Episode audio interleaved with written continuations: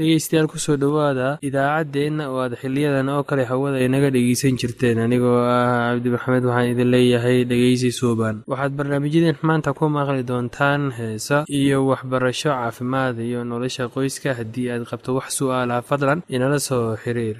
Ciwaankeenna waa radio somaly at yahu t com. Mar labaad ciwaankeenna waa radio somaly at yahu dt com.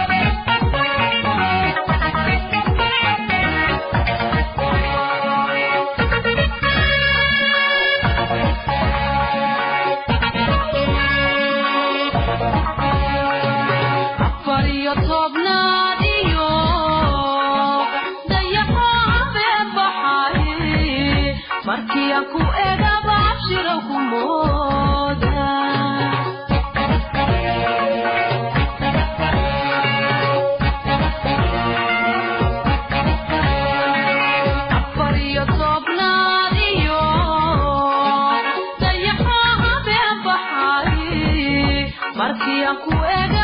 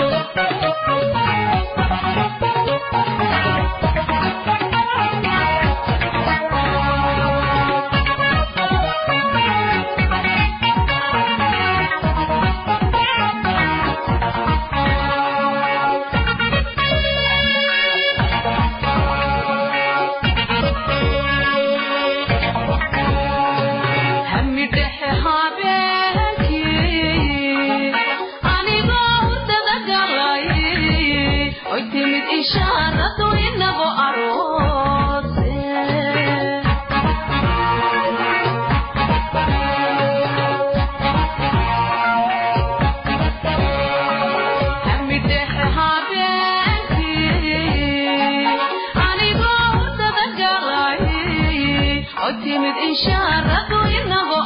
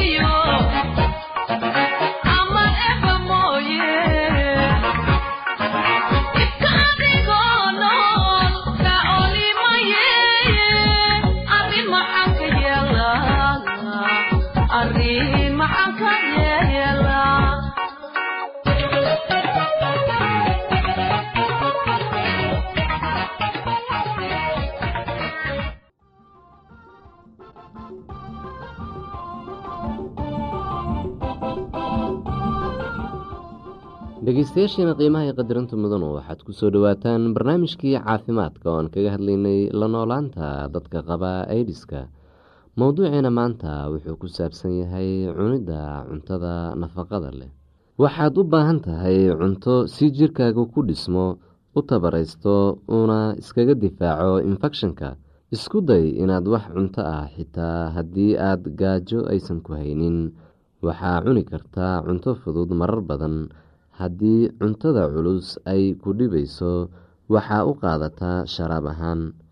Cun waxaad cuni karto caano cab intaad alkohol cabi lahayd. Cabeeb ayaa qabi kartaa oo kaa hor istaagi kartaa oo kaa hor istaagi karaa inaad wax cuntid. Cabeebka waa la daaweyn karaa ee dhakhtar u tag. Haddii shuban kugu dhaco waa inaad wax badan cabtid. Waxaa wanaagsan inaad afka sharaab milix leh ka cabtid waxaad samayn kartaa sidan. Meel nadiif ah ku shub hal litir oo biyo ah. Fur baakadka o rska oo ku shub weelka biyuhu ku jiraan. O rs iyo biyaha isku walaaq ilaa ay isku qasmaan. Cab hal koob oo ah o rs mar walba oo aada saxarooto. Haddii aadan haysan o rs waxaad samaysan kartaa sokor iyo milix biyo lagu qasay. Ku dar hal qaado oo milix ah weel ku shub litir biyo nadiif ah. Ku dar sideed qaado oo sokor ah. Walaaq ilaa sokorta iyo milixdu ay isku qasmaan waa inaad isku daydo inaad wax ka cuntid saddexdan nooc. Waqtiyada aada wax cunayso ma aha cunto qaali ah. Nooc kasta waxaad ka dooran kartaa cuntada ugu jaban waa cunto aada nafaqo u leh. Cunto jirdhis leh sida digirta digaaga masagada looska ukunta kalluunka caanaha iyo hilibka. Cuntada tabarta leh waxaa ka mid a muuska bariiska baradhada burka iyo waxyaabo kale. Cuntada ka ilaalineysa jirka infekshanka oo laga helo fitamiinada waxaa ka mid a qudaarta iyo salarka oo dhan qof waliba dhibaato badan ayuu kula kulmaa sigaar cabista.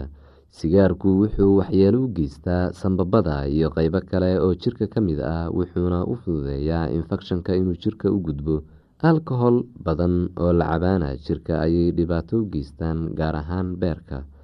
Waxaa muhiim ah in alkoholku is-habeyn la'aan iyo hilmaamid sababo. Waxaa hilmaami kartaa inaad is-ilaaliso markaad galmooneyso xusuuso xitaa haddaad qabto h i v waa ku halis inaad mar kale iyo mar kale isu bandhigto h i v-ga. Waxaa suurtagal ah xitaa inaad qaado cuduro kale oo la isu gudbiyo marka la isu galmoonayo oo markaas jirkaagu tabar daraynayo. Sigaarka iyo alkoholka waa qaali lacagtaada waxaad ku iibsan kartaa caano ukun digir iyo waxyaabo kale oo nafaqo leh. Cunto wanaagsan jirkaaga ayay xoojisaa waxayna kugu caawineysaa in aad in badan sii noolaato jirkaagu wuxuu doonayaa hurdo dheeri ah. Waxaa isku daydaa inaad sideed saacadood seexatid habeen walba dhammaadka asbuucii iyo mar kasta oo aad daalan tahay seexo. Xitaa waa fiican tahay inaad nasato. Waxaad dhegeysan kartaa heeso waxaad akhrisan kartaa jaraa-id bugaagta sheekooyinka ay ku qoran yihiin iyo waxyaabo kale. Waxaad la nasan kartaa dadka aada jeceshahay. Waxaad waqtiga la qaadan kartaa ilmahaaga adiga oo nasanaya. Waa wanaagsan tahay in la qabto inta la qaban karo. Howl lacag ayaa laga helaa. Waxay kaa dhigaysaa qof firfircoon. Waxaa ku arkaysaa meesha aad ka howlgaraysid saaxiibo iyo dad aada wada howlgashaan howl la'aantu iyo wada jooguba wuxuu kaa caawinayaa inaad hilmaamto walwalka ku haya. Haddaad dareento inay kugu adag tahay howshaada caadiga ah ka fikir inaad raadsato mid kale oo ka fudud ama isku day inaad yareyso hawsha weydiiso cidda aada u shaqayso hadday kaa yareyn karaan saacadaha shaqada amase hadday kuu ogolaan karaan inaad shaqayso maalin barkeed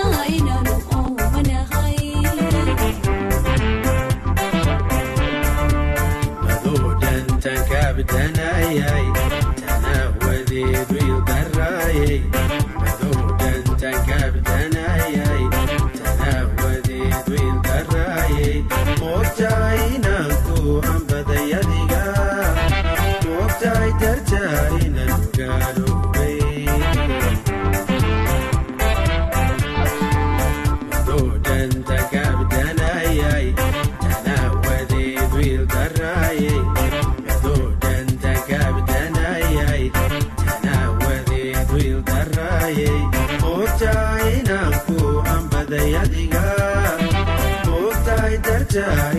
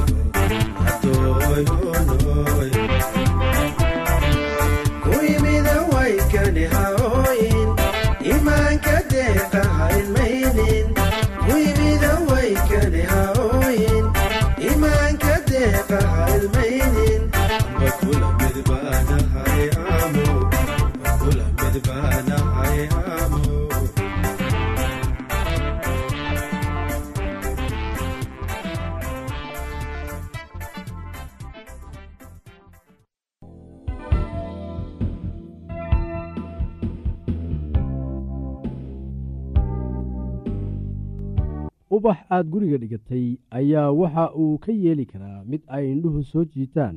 Ha ahaato guriga dhexdiisa ama gudihiisa waad waraabin oo korinaysaa wuxuuna guriga u keenayaa qurux. Waxaa wanaagsan inaynu soo gebagabayno barnaamijkan ku saabsan indhaha soo jiidashada ama quruxda guriga. Waxaa laga yaabaa in gurigaagu nadiif yahay oo uu leeyahay nafis kugu filan iyo kuraas fadhi oo quruxsan laakiin xaas aan wax habayn aqoon ayaa quruxda gurigaaga hallayn karta. Aniga kuma lihi mar walba waa inaad taagnaataa oo dhar wanaagsan xirnaataa. Maya maya markii aad dhammaysid shaqada nadiifinta xaaqidda dhaqidda iyo qashin gubidda waxa aad xidhataa dhar wanaagsan. Gurigu waa meel wanaagsan haddii farxad iyo deganaan jirto haddaba waxaa laga helayaa meesha indhahaagu soo jiidanayaan haddii aad doonaysid in gurigaagu noqdo meel carruurta iyo waalidiintu jecel yihiin waa inuu ahaadaa meel wanaagsan oo indhuhu soo jiidanayaan. Qurxnaanta ama indha soo jiidashada guriga ma ahan oo keliya qaabka iyo muuqashada kore. Indhaha soo jiidashada ama qurxnaanta waa in xitaa ay xaadir ku tahay dabeecaddaada iyo ruuxaada taasoo ah midda ugu muhiimsan. Sida aad u nooshahay xiriirka idinka dhexeeya adiga iyo xaaskaaga idinka iyo carruurtiinna si aad u wajahdo wakhtiga aad faraxsan tahay iyo wakhtiga aad murugsan tahay naxariistaada daacadnimadaada shaqadaada iyo adeecaaga. Kuwan oo idil ayaa gurigaaga qurxin karaa haddii aad aadi bari waqooyi galbeed ma helaysid meel ka fiican gurigaaga. Bal iminka iyo haatan walaalayaal aan xogaa dib ugu noqonno oo aan xusuusanno wax ku saabsan meel indhahaagu soo jiidanayaan oo ah barnaamijkeennan kuna saabsan xagga nadaafadda guriga. Guryaha qaar isla markii aad eegtidba indhahaaga ayay soo jiidanayaan qaarna indhahaagu ma jeclaysanayaan. Ma ahan mid inuu cusub yahay kan kalena duug yahay. Maya sidaasi ma ahan waxaa jira guryo badan oo duug ah laakiin haddana indhahaaga soo jiidanaya qaar cusubna ay indhahaagu diidayaan. Waxaad isweydiisaa maxaa keenay kala duwanaanshahaas? Taasi waxay ku xidhan tahay qofka dooqiisa waxa uu doorbidayo waxa uu jecel yahay iyo waxa uusan jeclayn. Inaad gurigaaga wanaajiso oo aad qurxiso macnaheedu ma ahan inaad isticmaashid lacag badan. Bal marka hore aynu sharaxno oraahda ah indha soo jiidasho taasoo aan aad ugu isticmaalayno barnaamijkan. Gabdhaha qaar ayaa waxa ay ku fikiraan labis indhaha soo jiita inuu yahay oo qura kan casriga ah ee ugu dambeeya ama darees laga soo iibiyey magaalada. Laakiin sidan ma ahan xitaa marka la eego labiska. Marka maxaa loola jeedaa guri indhahaaga soo jiita? Tan macnaheedu waxa weeye guri leh nadiif qurxoonaan udgoon oo deeraddiisu wanaagsan tahay oo la habeeyey. In meel aad ka dhigto meel wanaagsan oo indhahaagu qabanayaan waxaa loo baahan yahay ahmiyad dadaal dheeraad ah iyo aadaab aad ku xaajisid wixii aad fidhisay waxaan xusuustaa markii aan soo barbaarayey markii aan dhallinyarada ahaa waxaa subax walba aan soo agmari jiray gurigoo markii aan u socdo dugsiga. Markii hore waxaynu u fiirsanay oo aynu aragnay in gurigaas iyo kan u dhow ee deriska la ah aanay isku mid ahayn. Labada guriba waxaa ku yaalay geedo halka iridda laga soo galo.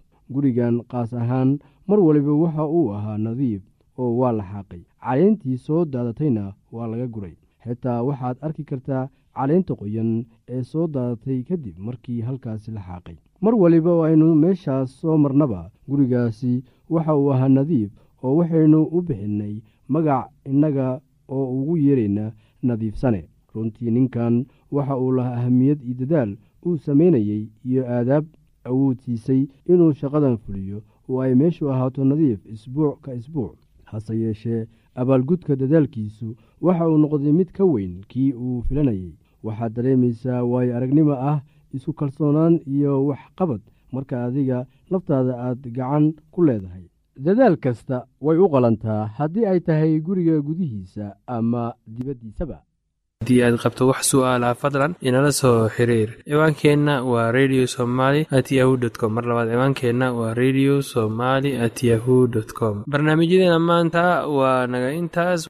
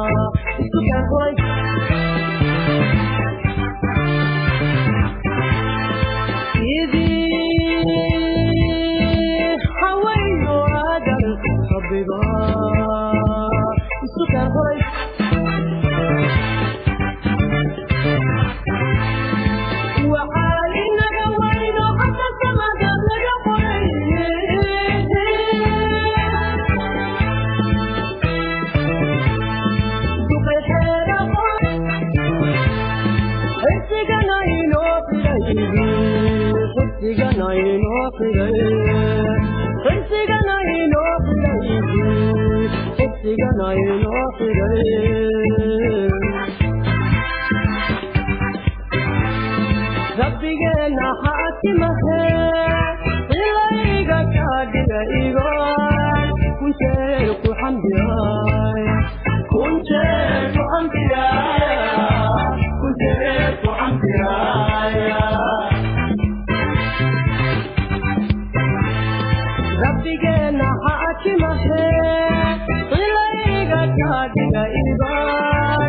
kunjeer ku xamdiyaay